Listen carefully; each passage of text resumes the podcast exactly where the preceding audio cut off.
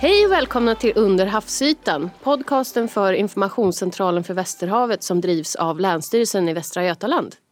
Och eh, jag heter Lina Rasmusson och eh, med mig har jag som vanligt min gode vän Marcus. Yes. Marcus, vad... Där gick jag upp i falsett i, än, en gång, än en gång är jag lite exalterad. Men vad ska vi prata om idag, Marcus? Vi ska prata broskfiskar, Ja, hajar och rocker bland annat. och den Lite lilla, lilla som kanske inte är så liten, men havsmusen Mm. också. Som är en broskfisk. Och det här har vi ju haft lite tid på och vi har fått läsa in oss lite grann också måste jag säga. Ja. Och det har bara det har varit spännande. Precis. Det är en hel del gamla böcker som har åkt fram och sådär. Så att, eh, Och även nautiska lexikon och även bohuslänsk lingvistik har man plogat igenom nu. Så att, eh, bara det var en upplevelse. ja, men eh, väldigt kul. Vad vi kanske ska börja med och bara gå igenom lite snabbt det. Vad är broskfiskar egentligen? Varför är, vad, vad är skillnaden mot, mellan en broskfisk och det vi kallar för benfisk? Ja, skillnaden är att de har brosk givetvis då. Det hör du ju i namnet. Smart. Ja. det var ganska enkelt det va? Ja. Nej men så det, det, det som är, om man bara tar det lite snabbt eh, anatomiskt så, så är det ju då som Marcus sa lite klipskt att de har ju brosk istället för ben vilket då gör att de har inga kalkstrukturer i sitt eh, skelett. Eh, de har inga såna här otoliter som man ofta kan, eller som man hittar i fiskar, de här små eh, hörselorganen eller vad man ska kalla det. Så att det gör att det kan vara ganska svårt att åldersbestämma broskfiskar just för att man kan inte se på sådana här kalkstrukturer. Det är sånt som jag jobbar mycket med med alger, att man kan läsa in hur klimat har ändrats eller eh, räkna ålder på dem för att det blir som träringar. Och det blir samma sak med hortoliterna hos fiskar. Men det har då inte broskfiskar. Sen andra saker som de saknar det är ju att de har ju ingen simblåsa. Och det gör ju att de har ju inte samma typ av flytförmåga eh, Så att de har lite svårare att positionera sig i, i, eh, i pelagialen som vi kallar Vattenmassan, vattenmassan. Mm. Ja. Men ibland ska man hålla sig till fina ord Det är ett sådär, fint ord. svänga sig med det. Det är ja, där vill man ju vara, pelagialen.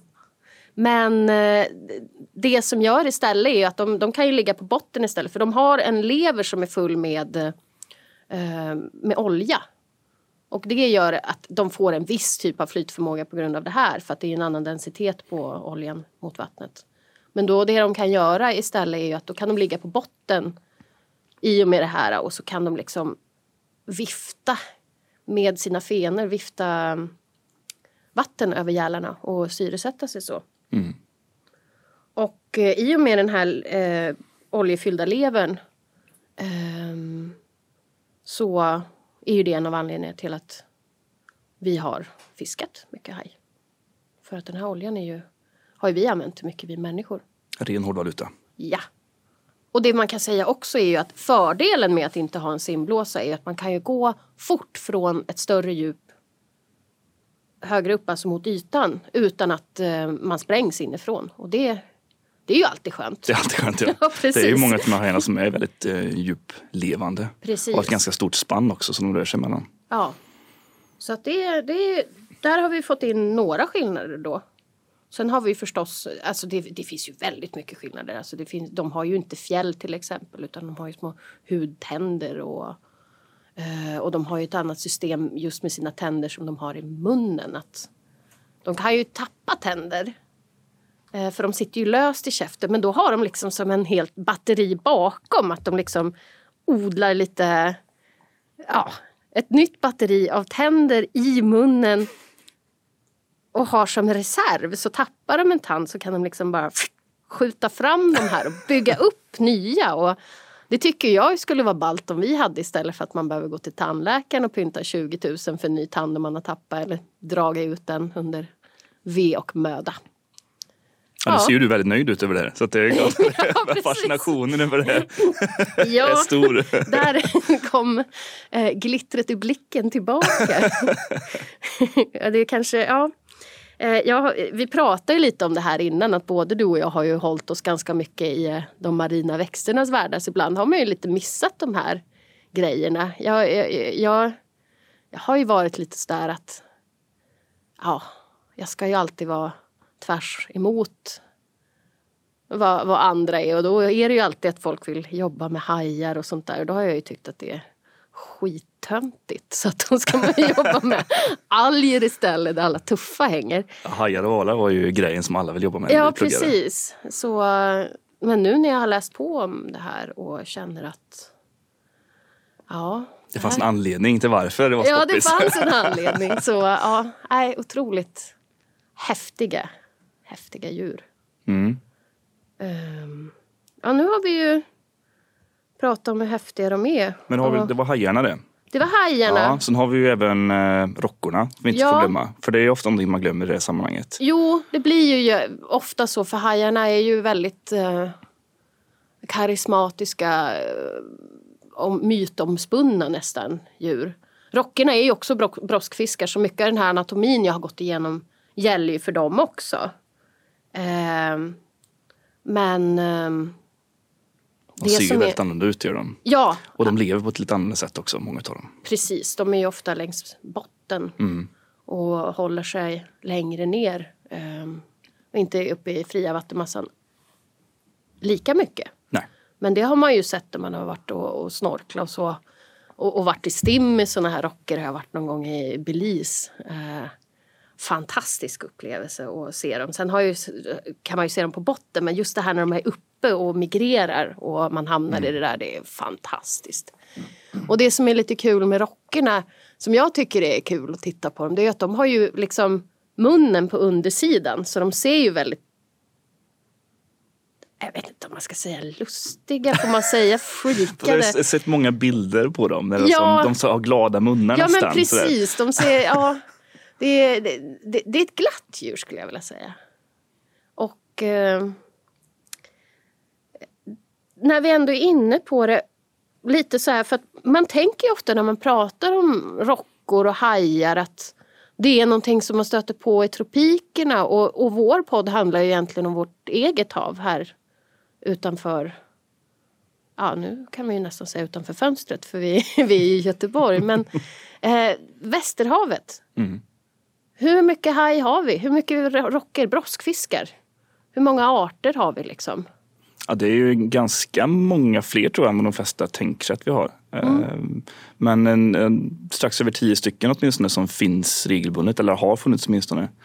Så jag vet inte hur det var med rocker. Hur många sådana hade vi? Ja, vi har ett gäng där. Jag tror att vi räknar på att vi har tio arter av broskfiskar. Ja. Lite över som är här regelbundet i Ja, våra vatten. Och sen är det väl lite över 30 då. Som är, besökare. kommer på besök då och då. Mm.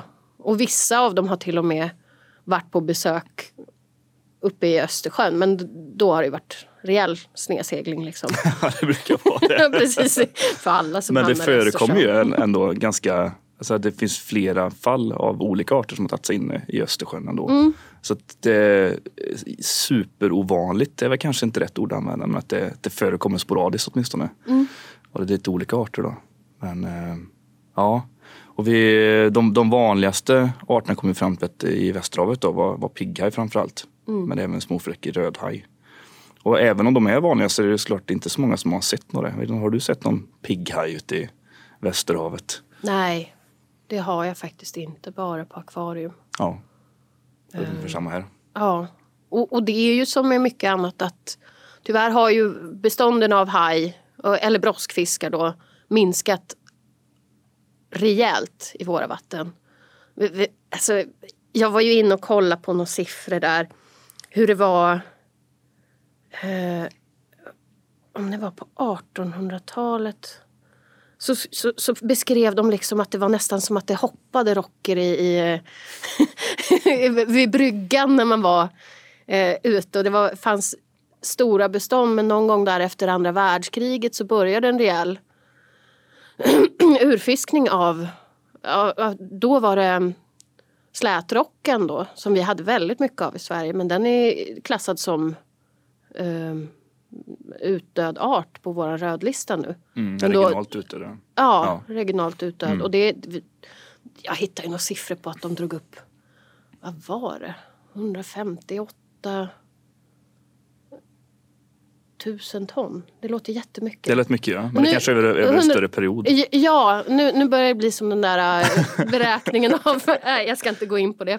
Det var Eh, mycket i alla fall. Det var väldigt mycket som gick ner sen till kanske en tiondel av det på bara några år. Mm. Och nu är den som sagt då eh, klassad som regionalt utdöd. Mm. Ja, det var ju där eh, vid andra världskriget som mycket av ja, många länders fiskeflottar lite grann revolutionerades. Eh, Det moderniserades och man fick en rejäl industri kring det. Så att det var väldigt många bestånd som gick ner kraftigt. Och det, sett, internationellt sett så är det ju nu så har de flesta bestånden har gått ner 90 procent kanske eh, regionalt. Då. Så det, och en hel del regionala utdöden finns det ju inte bara den här arten då. Utan väldigt många. Och Du det- hade någon liten koll på eh, H-branden. Ja, jag vet inte om vi kanske ska komma till det lite senare. nu, vi, vi, det jag tror vi I- smög in är på fiske för- lite tidigt ja, här. Jag, jag, blev lite snabb på bollen här. Ja, Eh, vi kommer till det. Ehm, det finns många spännande arter att prata om, inte minst. Så vi, vi ska ta en handfull av dem, ja, tänker vi. ja, men gött. Uh, vad... Va, vad? Ja, vi har ju kvar nämna havsmusen bland de Ja, här just broskfiskarna. det. Ja. Det var ju viktigt. Det, det, det är lite så att den hamnar ju lite i skymundan. Vi har en art. Och vad heter den på latin? Ja, det här var ju spännande. Jag satt och tittade på det här och tänkte att det här känner jag igen. Ja, Och den heter alltså då Chimera monstrosa, om jag uttalar det på svenskt latinskt vis. Och det var innebörden till det här namnet som var ganska fräckt. Vi pratar ju mycket om, om en mytiskt eh, brottsfiskar och hajar framförallt då givetvis. Eh, och sen har det här namnet då. Och, och för er som känner till eh, grekisk mytologi så är ju kimären då en, ett, ett vidunder, ett odjur med tre huvuden som, som förekommer då. Och monstrosa är kort och gott vidunderlig betyder det på latin. Så att är ju, även om själva djuret havsmusen inte är så vidunderlig så är det ändå ett ganska häftigt namn. Måste jag säga. Ja man tänker ju lite att har man fått namnet havsmus så kan man ju kanske inte riktigt vara det mest modiska djuret i, i djuphavet. Men, men vad vet jag? Nej, det är klart. Sen heter den inte samma på alla språk. Men det är många språk ändå som, som har anammat något liknande, åtminstone i Skandinavien. Så att det, det förekommer även eh, utanför Sverige. Men fisken i sig då, den är ju ungefär en och en halv meter kan den bli lång. Men ungefär två tredjedelar av den kroppen är ju faktiskt stjärten. Så den, den väger typ bara två och ett halvt kilo. Så det är ingen, ingen jättestor fisk i sammanhanget egentligen. Nej. Då fick vi fick havsmusen en liten shout out som man säger Ja, i precis. lite mediautrymme. Eh, vi, tänker, vi pratar ju lite om att hajar och, och, och rockers och där det, det är ju häftiga grejer. De finns ju kanske mycket, ja men som vi sa, mytomspunna. Finns kanske i populärkulturen och så. Ehm, och där, ja populärkulturen men också i det stora hela mycket mediabrus runt det. Mm. Både om olyckor men också häftiga grejer. Har vi lite, lite input här? Ja, det, det finns jättemycket att säga. Ja. Det är liksom, alltså, ser man till, till den typen av, av ja, men historier som vävs kring hajar framförallt Mm. får vi säga då. Så, så har det ju lite grann med, kopplingen till på land där vi har, vargar. Liksom, Mm. hur, hur människan förhåller sig till det här både historiskt och, och mytologiskt och, och hela den här biten. Då. Eh, och sen är det klart att, att ett djur, eller en djurgrupp då, som har funnits så länge på planeten som de ändå har gjort, brottsfiskarna. Vi pratar om 400 miljoner år. De simmar här ute innan dinosaurierna ens fanns med på den här tidslinjen. Så att det, är ju, det är ju väldigt, väldigt gamla djur och trots att de har funnits här så länge så vet vi så lite om många utav dem. Så bara det är ju en, en sån här, ja men det, det skapar en myt kring dem redan där. Eh, Och det är klart att det överförs ju också till, till populärkulturen och, och hur man liksom då förhåller sig till hajar. Ja, när du är inne där på historien så undrar jag, vi har ju den här äh, megalodon. Som eh, nu, nu kanske jag inte ska erkänna att mina källor var eh, titta på Haja med Doreen på SVT Plays barn, barn. Men, men där drog de upp det. Så det, det är ju liksom en gigantisk hajart som fanns förut. Jag såg bara en, en skillnad där på hajtänder liksom att om man har en vithaj som har en tand som är ja, några centimeter och vass. Då var ju den här nästan som en stor handflata liksom. Mm. Så då kan man ju tänka sig hur stor djuret i sig var. Ja, precis. De, eh, nu är vi i och för sig ganska långt ut från, från Västerhavet å andra sidan. Men Ja. det är ändå kul att nämna det här. För det har varit, det är ganska mycket sånt här ja, men snack ska man säga. I, i, jag ska inte säga i de största kanalerna men liksom, finns det fortfarande de här stora hajarna kvar. Eh, och, och med tanke på hur, hur djuphavet ser ut och de förutsättningar för, för liv som finns i djuphavet så är det ju inte speciellt troligt. Det, jag tror de flesta har väl kommit fram till det mer eller mindre. Men sen lever det alltid kvar sånt där. Det är spännande. Det, det genererar kul film också för de som tycker om sånt. Ja, Sharknado var ju en riktig topprulle. Så att säga. Om man nu får göra reklam. Ehm, och sen... Ja, men vi har ju pratat mycket om hajar och så. Ehm, vi, vi ska gå in lite på hajattacker och sånt. Men jag tänker än en gång här, rockorna. När får de stå i, i rampljuset? Och, och, och det här är ju en, egentligen en tråkig historia. Men som ändå blev känd för att jag, jag antar, i alla fall om man är i våran ålder så har man väl ett förhållande på något sätt till Steve Irwin. Den här krokodiljägaren som han kallades. Um, var en totalt bindgalen karl från Australien som vadade runt bland ja, alligatorer och kramades med giftormar och sprang runt med blodiga ben bland komodovaraner. Och man tänkte att vilket avsnitt, alltså vilken dödslängtan har karln. Men sen så avslutades hans liv faktiskt med att han fick in hullingarna från en stingrocka. Som gick in i hjärtat och han dog. Och då vill man ju säga som så att rockor generellt är ju otroligt väna djur. De, gör inte, de är inte aggressiva eller så. Men om de känner sig hotade av till exempel hajar då eller något annat djur så kan de ju då gå skydda sig med just de här ja, som klorna de har på, på svansen. Och det var det som hände med krokodiljägaren. Och det är ju lite synd att de får den, den eh, fick det liksom ryktet att de är så farliga. Men det där har jag kollat upp nu och genom hela historien så länge som vi har rapporterat in dödsfall och så så har 17 dödsfall rapporterats in genom historien av stingrockor. Inga andra rockor för det är inga andra som är farliga så. 17 stycken genom historien. 20 personer blir dödade av kor i USA varje år. Varje år. Så då kan man sätta det lite i perspektiv här att det är ju inga farliga djur. Nej. Både du och jag har ju dykt med rocker också. Ja. Att, eh, vi kan minst sagt säga att eh, han hade en himla otur. Ja, exakt. Och när vi är inne, ändå är inne på att dyka med, med broskfisk, så att säga. Eh, hur ser dina erfarenheter ut av, av, nu var jag nära på att säga både varg och räv. Ja, det är fel, fel medium. jag menar ju haj. Ja, tänker du dykning då eller? Ja, Ja, jag, dykning, snorkling. ja precis. Jag har ju eh, dykt lite grann har jag gjort. Inte så mycket i Sverige alls faktiskt. Eh, eller i Norden för den delen. Utan mer tropiska hav. Eh, så eh, ja, inte så stora hajar eller citronhajar. Det är tre, tre meter kanske, tre och en halv. Det är inte så stora. Men jag vet att du däremot har haft lite häftigare Ja, upplevelse. jag har ju haft två. En på fusk. Och det var Eh, i min ungdom när jag var i Sydafrika. Och de har ju sån här turist... Det är nästan så jag skäms lite idag. För jag, jag tycker inte riktigt att man ska locka till sig djur på det sättet som de gör. Men då, då har de ju liksom i en, eh, en, bukt där, Gansby, i närheten av Kapstaden, så åker man ut med båt och som lockar till sig vithajar. Och så hoppar man ner i en bur och andas i en trädgårdsslang.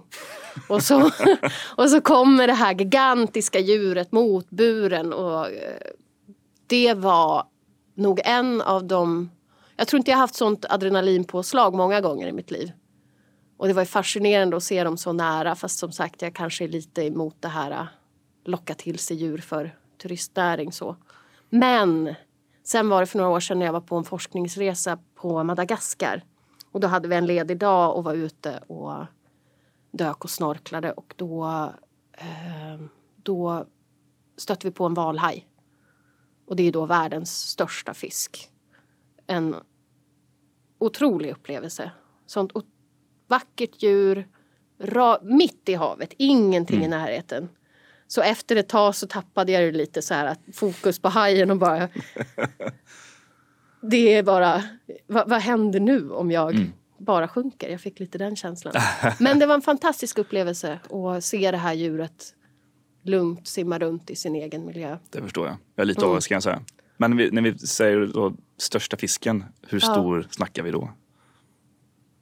Vad är de? Blir de 12-15 meter något sånt? Det var det va? Ja, den är, den är större än det. brugden som vi också Ja. kommer komma till som vi ändå Ja, har lite släng av i Västerhavet. ja, som Och den vi är ju 11. älskar. Mm. Ja. Oh, ja. Och den är ju 11, 12 meter kanske till och Ja, med. och brugden är ju då världens näst största fisk så den Mm. har vi ju ändå i våra vatten. Det är ballt. Det är ballt. Ja. Det är det. Och de här stora hajarna de är ju sävliga. De softar ju runt i havet och filtrerar ju ofta plankton då. Det är Ja, precis deras en grej. Ja. Mm. Så det var väl lite av våra egna erfarenheter av de här ute i det vilda i alla fall. Mm. Och sen så tänker man väl lite, ja jag sa ju det här om hajattacker i världen nu när vi gick igenom rockerna. Just det. Jag tänker ändå att vi kan nämna någonting om det bara för att igen ta ner det lite för att det är sån upphaussning av hur farligt det är och, och, och visst det är läskigt och, och jag menar även om siffran av dödlighet kanske inte är så hög så kanske man inte är så kaxig om man har varit i närkamp med en haj och överlever för att de är ju ja, Det är kraftfulla djur. Ja, precis. Men hur många ungefär är det som, som dör varje år eller som har dött hittills? Och vad är det för arter som är farligast? Har du någon koll på det, Ja. Marcus? Det, det brukar ligga mellan ja, men 150 och 200 incidenter Mm. säga då, per år eh, i, över hela världen egentligen som är registrerade. Då, så att säga. Och det är ju vithajen som står för hälften av dem. Mm. Och som bekant så har vi ju ingen vithaj i Västerhavet. Och de andra arterna som, som ofta nämns i det här sammanhanget också utöver vithajen det är ju tjurhaj och tigerhaj. Och det har vi ju inte heller egentligen. Nej. Så att det, på många ställen finns det ju en, en, såklart en, en eh, lite obefogad rädsla för, för havet och vad som finns i havet. Ja. Givetvis. Och mycket av det beror ju på de här eh, incidenterna som händer. För det, det, det blir mycket medial uppmärksamhet kring det här. Och det är klart att det är väldigt grafiskt många gånger också. Det är ju otäcka skador som när det väl händer någonting. Och då säger vi incidenter, det är inte dödsfall så Nej. många per år. Och incidenter har, kan också vara att de har till exempel eh, bitit tag i skrovet på en båt. Ehm, så stämmer. att, ja, Mm. Så det är de bitarna som vi har. Och eh, det, det är ju lite med eh, just med vithajen så har det ju varit lite snack sådär. I media kommer vi få hit vithajen till den svenska västkusten. Eh, och eh, kommer vi det? Det är inte så troligt. Nej. Jag tror man kom fram till det ganska snabbt. Ja. Och, och det är ju mycket som sådär att det skulle ju kunna hända att någon gång att någon hamnar på eh, avvägar men det är ju inte riktigt så att vi kommer få en population av vithajar som kommer vara här och eh, troligen. Sen vet man ju inte. Det är väl ingen av oss som kan spå in i framtiden och se, se så, alltså se hur världen kommer se ut helt och hållet Nej. men inte i den eh, inte så att folk behöver oroa sig Nej, absolut som inte. är på stränderna Alltså nu. det, det man då eh, grundade här i var egentligen så temperaturökningen som vi ser på västkusten. Det är Mm. ju ett faktum att temperaturen i havet ökar även i västerhavet. Att det skulle vara kopplat till det, att man i en distant eller avlägsen framtid skulle kunna se att det kommer bli varmt nog för att, för att då en haj som vithajen skulle trivas här. Men det är ju inte så enkelt och det, det tror man dementerar det ganska tidigt att eh, de, de, är ju, de har ju sina vandringsmönster, sina rutter och sina eh, hemområden som de gärna håller sig till. Och de följer ju bytesdjur. Så att temperatur i sig är ju inte en, en fullgod prediktor för att säga att men, här kommer vi få det här djuret. Och det gäller egentligen många fler djur än bara vithajen givetvis. Men som du säger, det, det händer ju då och då att, att eh, framförallt valar då, eh, i vårt västerhav här, eh, irrar in sig här. Eller till och med in i Östersjön. Det, du hade ju en, en brugd som gick på grund där 2000, var det 2020 va? Ja, det låter Eh, bekant. Den, den irrade in sig närmare Göteborgs hamn i alla fall och sen så fick man bogsera ut den och sen så dök den tyvärr upp död eh, ett tag senare ute på Styrsö bara. Mm. Så att eh, sådana här saker händer ju eh, givetvis. Men sen har det inte hänt med, med hajar. Har det inte gjort mig veterligen. Nej. Men vilka hajar har vi i Sverige då? Ja vi har en massa. Har vi sagt. Men vi, ja men det, det finns ju ganska många häftiga hajar också. Mm. Eh, Det gör det ju och lite olika storlek på dem. Vi tänkte att vi skulle ta en handfull av de här. Eh, Och eh, vi har ju nämnt lite grann brugden givetvis. Jag vet inte om du vill nämna någonting mer om brugden när vi ändå pratar om brugden. Nu har vi, känns som vi har jobbat upp oss till den här, det här momentet nu hela början på den här säsongen för att prata om brugd äntligen. ja. Och, och, och då tappar man det bara. Alltså man har byggt upp de här förväntningarna runt brugden och så bara... Men jag känner att den, den, ja. Den är ju som vi sa innan vår största fisk.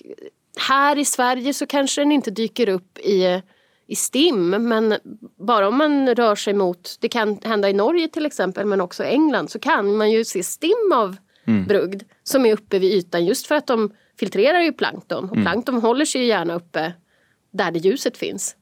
Och då ser man liksom hela stim åka runt och filtrera ihop. Och det skulle ju vara...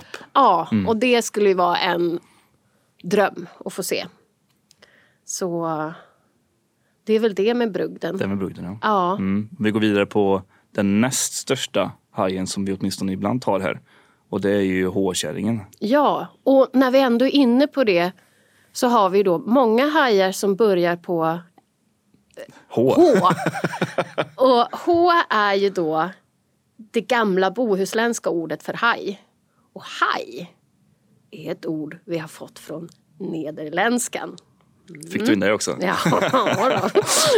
Så, så många av våra arter heter H och då sätter man det innan som H, H-käring och flera andra. Håbrand. Det hade Håbrand. något namn för brugden också. Var det, det var håmär? Var det gammalt? Håmär, ja. Och sen så, eller så sätter man då ändelsen haj, alltså som blå haj. Så eh, där fick ni lite lingvistik i det hela också. Det bjuder jag på. Eh, Men håkärringen, där må jag ändå, för den är ju den arten som antagligen blir äldst. Den kan ju bli, vad har man hittat? Hur många tu- Eh, uppskattningsvis 400 år va? Men, men teoretiskt sett 500 år. Ja, och, och de blir inte könsmogna förrän de är eh, typ 100. Ja, 120 tror jag. Ja, till och de här lever ju djupt, de är blinda. Eh, De ser ju ofta ganska slitna ut. Alltså det med. Rör sig hänger, väldigt långsamt. ja, rör sig Ja. långsamt och det hänger parasiter. Men det som också är lite häftigt med de här det är ju att de är giftiga för oss att äta. För att eh, de har så mycket urinsyra i sitt kött. Så att äter man dem så, så, så kan man dö. Men det här har ju då eh, är ju faktiskt Islands nationalrätt.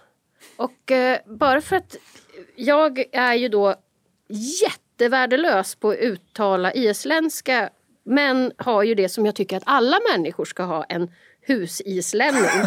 Så jag har här nu, så att ni ska få lära er på riktigt vad Islands nationalrätt heter, så kommer det här. Tjena Lina, god dag. Uh, vi säger haukark. Så ja, A med, med punkt över sig, säger au. Uh, och så K, K är k, k. Så haukark. Haukark. Haukark haukarl. Vi ses senare. Hej då! Hau kark. Och lite, ja, Haukark. vad bra. Ja, nu tackar vi då min gode vän Egil. Jag vet att ditt namn uttalas på ett helt annat sätt men jag eh, har ju bara känt dig i tre år så att varför kunna uttala ditt namn vid det här laget. Och vad är då haukark? Jo, det är ju då för att kunna äta den här delikatessen så um, gräver man en grop, gärna i grus eller grus i sand, lägger ner hårkärringen. Man kan också göra det här på brugd men det är framförallt hårkärring som man eh, käkar.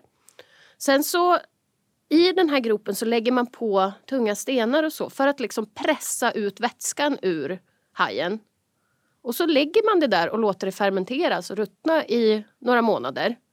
Och sen tar man upp det här, strimlar det och hänger upp på tork i några månader till. Och efter det så har då de här urinsyrorna försvunnit och man kan äta dem och njuta av en god måltid som luktar ammoniak.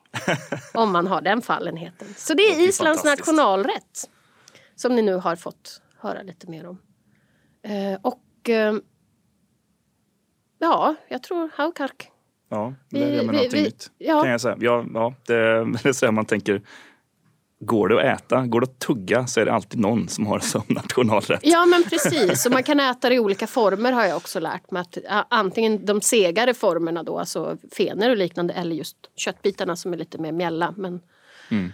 Ja, så, det var Islands nationalrätt. Och, Har vi, eh, fått in det också? Det var ja, dåligt. Det Vilket tyckte jag. spektrum blev det här avsnittet. Ja men verkligen. eh, så då kanske vi ska gå vidare till en till art. Det kan vi ta en ja. Då, det är ju en av mina favoriter, blåkäxan. Ja, Mm. Varför, varför är den speciell? Lina? ja. Den, den kallas ju också, är det sammetshaj? Ja, på, ja det På kanske något språk. På, på engelska På- var det ja. Black, Black Velvet, för den har så svart Precis, undersida. för den har svart undersida och så har den som brun översida. Och så stora gröna ögon. Men den har som lysdioder på magen. så det är värsta discofisken. Och eh, varför har den det, Marcus? Ja, man vet ju inte riktigt det säkert. Nej. eh, Som jag har förstått det då. Men att man kan tänka sig att det här är ett, ett skydd mot predatorer exempelvis. Tänker att det, det kommer någon större haj kanske som käkar upp den här underifrån. Och mot ljuset då, den, den mörka och det ljusa, de här bioluminescensen då helt enkelt. Det gör att det blir svårt att, att se den här hajen.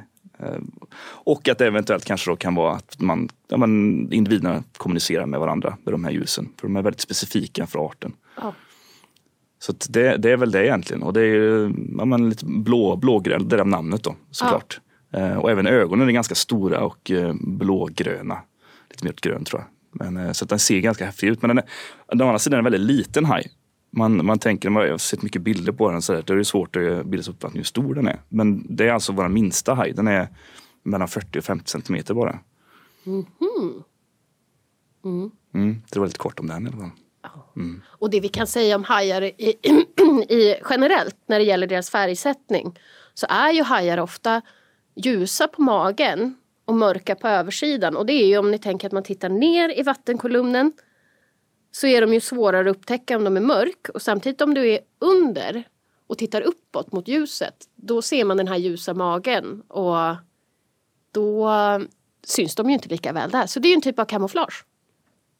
Så intressant att ha den här hajen istället för som alla andra då har en vit mage så har han bara struntat i det och har en svart mage med ljus istället. Ja. Det är en intressant lösning på problemet. men, men alltså, ja. Lysdioder. Vad säger man? Ja, bioluminescens alltså. Havsängen då? Ja, Vad, är det en haj? Eller är det en rocka? Eller? det, ja precis. Det är en haj. Ja. Fast den ser ut nästan som en rocka. Vi pratade lite grann på det här innan att uh, vad, vad var en bra liknelse till en havsängel?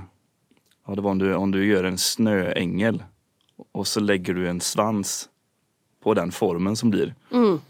Så har du ungefär en, en havsängel. Hur vanlig är den?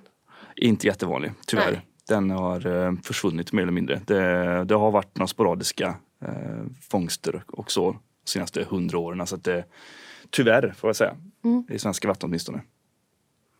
Och tillbaka på de kära H-orden så har vi också H-brand eller sillhaj som den också kallas. Ja, Och den var ju också väldigt vanlig i våra vatten. Och den har ju fiskats väldigt mycket just på grund av det är ju flera hajarter som har gjort det, men just för den här oljan som vi pratade om som de har i levern. För det första så är det ju vitamin A, man vill ha hajleverolja för eget, alltså för sin, i, i en hälsoaspekt. Men sen har den här oljan också använts i lamp, som lampolja. Så det var en väldigt vanlig orsak. ja, den fiskades ju väldigt mycket i Håbranden. Mm. Eh, den eh, ser ju lite grann ut som, eh, som en mindre vita också fast med stora ögon. Eh, och den var ju, var och är fortfarande antar jag en, en på sina håll, en populär matfisk också. Mm. Så det var inte bara för den här oljan då skulle man fiska upp den och även då givetvis fenorna för hajfinsoppa, den eh, notoriska hajfinsoppan. Så att det var ju också då när industrialiseringen av, av eh, fiskeindustrin tog fart efter andra världskriget. Så, eh, då fiskar man ganska hårt på de här populationerna i Nordatlanten. Så man fiskar ju mer eller mindre slut på dem. De populationerna kollapsar ju. Bestånden kollapsade helt och hållet både i, i Nordostatlanten och eh, Nordvästatlanten. Det var ju olika fiskeflottor från olika länder som, som gjorde det här. Men, men det som är eh, lite störigt i det här är att man liksom har gjort samma misstag flera gånger på flera olika populationer över lång tid. Så att det här började liksom på, på 30-talet och på 50-talet så kollapsade en population eller ett bestånd. Och det gick man vidare på nästa. Och så kollapsade det också. Och sen gick man vidare på tredje, så helt plötsligt var man i, i nordvästatlanten och sen på 70-talet någon gång så kollapsade det med. Och sen var det ytterligare fiske i södra delen av, av Europas vatten då, som man började fiska efter det på 70-talet. Och sen på 20 år kollapsade det också. Så det, det är en, en, en kavalkad bara av, av massa av misstag ja, ja. På, på den fronten. Ja. Så, så nu har vi ju landat i det. Från, från 2011 så är det ju fiskeförbud och nollkvot på, uh, på just, ja, det är egentligen både pigghaj och på, på håbranden. Mm. Uh, I hela EU egentligen. Och den är ju snudd på regionalt utdöd på flera platser. Inte minst Medelhavet. Och den är inte så vanlig här heller längre i svenska vatten. Men nu är vi ju inne, här med, när vi gick in på håbranden nu så, så är vi ju lite inne på hot och just problematiken för hajen. Mm. Eh, och du, du nämnde hajfensoppan och det är ju fortfarande ett problem att det fiskas ju upp ungefär 76 miljoner hajar per år mister livet för just hajfensoppa. Och det är en väldigt stor del av dem. Alltså det finns ju inte så ja, mycket det, hajar kvar. Det är en svindlande summa egentligen. Ja. Om du jämför med de här kollapsade bestånden på 70-talet. Där hade man en, en max, ett maxuttag på 9000 ton. Mm. Nej, så att eh, hajfensoppa är ju ett stort problem. Och sen så ett annat stort problem för hajarna är ju att de Många stryker ju med som bifångst mm. i fiske. Um, och um, det är ju ett problem som bland annat som vi märkte där då i, i höstas med den här uh, dumpningen av pigghajar och rockor i uh, Lysekils hamn som vi drog upp i vårt julavsnitt då. Mm. Att um, det är ju så att får man upp de här som bifångst så ska man ju släppa i dem i havet på en gång. Omedelbums ja. ja. Oskadade. Precis och det är ju ofta en väldigt svår uppgift att göra det om man väl har fått dem i nätet. Så att eh, det är klart att många stryker med där. Och sen så har vi ju om vi kommer tillbaka lite det här med hur hajar eller broskfiskar för att eh, jag menar Eh, rockor hamnar ju också som bifångst. Eh, och vi har, det som de har lite som problemet för broskfiskar och då framförallt hajar är ju mycket med deras reproduktion. För att de blir könsmogna väldigt sent. Eh, pigghajar de är liksom 12, alltså de är tonåringar när de blir könsmogna. Ja, lite som Ja, I våra mått mätt då? ja, i våra mått mätt. Så de är liksom 12-13 år, en pigghaj. Mm. Sen så är honan dräktig i nästan två år. Och sen får de ju inte så jättemånga ungar. Om man tänker liksom en fisk som lägger ut rom och så blir det massa yngel. Utan de här lägger ju, får ju ofta levande ungar. Vissa arter lägger ägg. Eh, men eh, det tar så otroligt lång tid för att få fram ett ganska litet antal eh, avkomma. Mm. Så att det, det, blir liksom väldigt svårt att ha ett bestånd kollapsat. Så är det inte att det kan återhämta sig. Om det överhuvudtaget kan återhämta sig så tar det väldigt, väldigt lång tid. Så det blir ett stort problem. Och eh, ja, som jag sa, vissa föder ju levande ungar och andra lägger ägg. Men då är det ju såna här äggkapslar som de också lägger ganska få. Och de här är ju väldigt fascinerande saker. Jag vet att folk ofta kan, eller ofta, men man kan springa på de här på stranden och folk blir förvånade eller undrar väldigt mycket vad det är. För att de är ju ofta lite rektangulära och har som små krokar ute i kanterna. Och det är ju, det är ju då äggkapslar från rockor och hajar. Och av våra arter, så de flesta av våra hajar föder ju levande ungar så ofta är det ju då rockor, deras ägg som man hittar. Men rödhajarna och eh, de har um, de här äggen i alla fall. Mm. Så det var lite om, om deras um, ja, förökning och varför det Ja. tar så lång tid att, att återhämta sig. Mm. De är väldigt känsliga för det. Ja. Inte minst för, alltså, som bifångst. Då. Mm. Det, det är svårt att, att undkomma det. Mm. Och det blir ju lite samma problematik som vi har med andra stora toppredatorer eller större djur i ett system. Att det blir de här kaskadeffekterna. Att tar du bort hajarna så kommer det liksom bli en sån förändring i hela näringsväven som kan leda till en ekosystemskollaps. Så att det blir ju stora problem om de försvinner. Mm. Ja, men det innebär att de, de håller helt enkelt andra så här bytesdjuren i schack så att säga. Ja, Så att, eh, om de inte finns såklart om du tar bort en del av en, en näringspyramid säg, så, så kommer det ju att se helt annorlunda ut efter några år. Ja. Nej, och eh, jag tänker lite, vad gör vi i Sverige eller vad görs för att skydda hajen? Eller broskfiskarna i det stora hela, för det, det är även skydd på, på rockor då. Mm. Ja, vi eh, nämnde ju då med, med fiskeförbud, men klart det gäller ju för hela EU. Eh, och det finns rödlistningar och så vidare. och så vidare. Eh, så, så mycket av, av de här ja, men broskfiskarna är ju redan skyddade på ett eller annat sätt. Men vi har ju även hajutsläpp, Havets hus, tänkte vi skulle lämna. Det har ju du lite koll på. Mm. Nej, men Havets hus i Lysekil, de har ju ett program där de jobbar med just att släppa ut. De, de föder upp, eh, det är småfläckig rödhaj va? Stämmer. Ja. Och eh, rockor som jag, åh, nu är jag lite, jag tror att det är knaggrockan. Förlåt om jag nämner fel art nu. Men hur som föder de upp dem på Havets hus i Lysekil och har släpp av dem sen när de är tillräckligt stor för att klara sig ute i havsmiljön. Så att de har ju släppt ut ett antal eh, rockor och hajar genom årens gång. Och det är ju ett sånt evenemang som man kan kolla upp för att eh, det är ju så att eh, allmänheten är inbjuden att få titta när, när de här släpps ut då. Och, då, eh, och sen följs de ju, eh, för de är, följs de ju och, och så man kan se vart de tar vägen och vilka som överlever kanske då med och, och vilken, mm, ja vart de väljer att bosätta sig eller vad man ska säga. Vad, vägen. vad som det, de Ja, tar vägen vart de helt vägen. enkelt. och ehm, sen har vi ju också, du, du nämnde ju rödlista och så, alltså nationellt fredade arter och det är ju då den gamla gode brugden och pigghajen. Slätrockan och knaggrockan har vi ju. ehm, om man ska nämna rockor då. Mm. Och det var ju de här två arterna som var med i den här eh, soppan där i Lysekil med Mm. de eh, bifångsterna som dumpades. Så då var ju de fredade arter dessutom vilket Mm. gör det lite Gjorde det ännu värre. Ja, precis. Och sen har vi också OSPAR som vi har nämnt i andra sammanhang. Men OSPAR är ju då en konvention för att skydda eh, havsmiljön i Nordostatlanten. Så det är ju flera olika länder som har gått ihop och har bestämmelser för att skydda havsmiljön. Och då bi- de har ju flera olika grenar men biodiversitet är ju en av dem. Mm. Och där är ju Sverige med. Så att det är ju en viktig del. Mm. Och eh,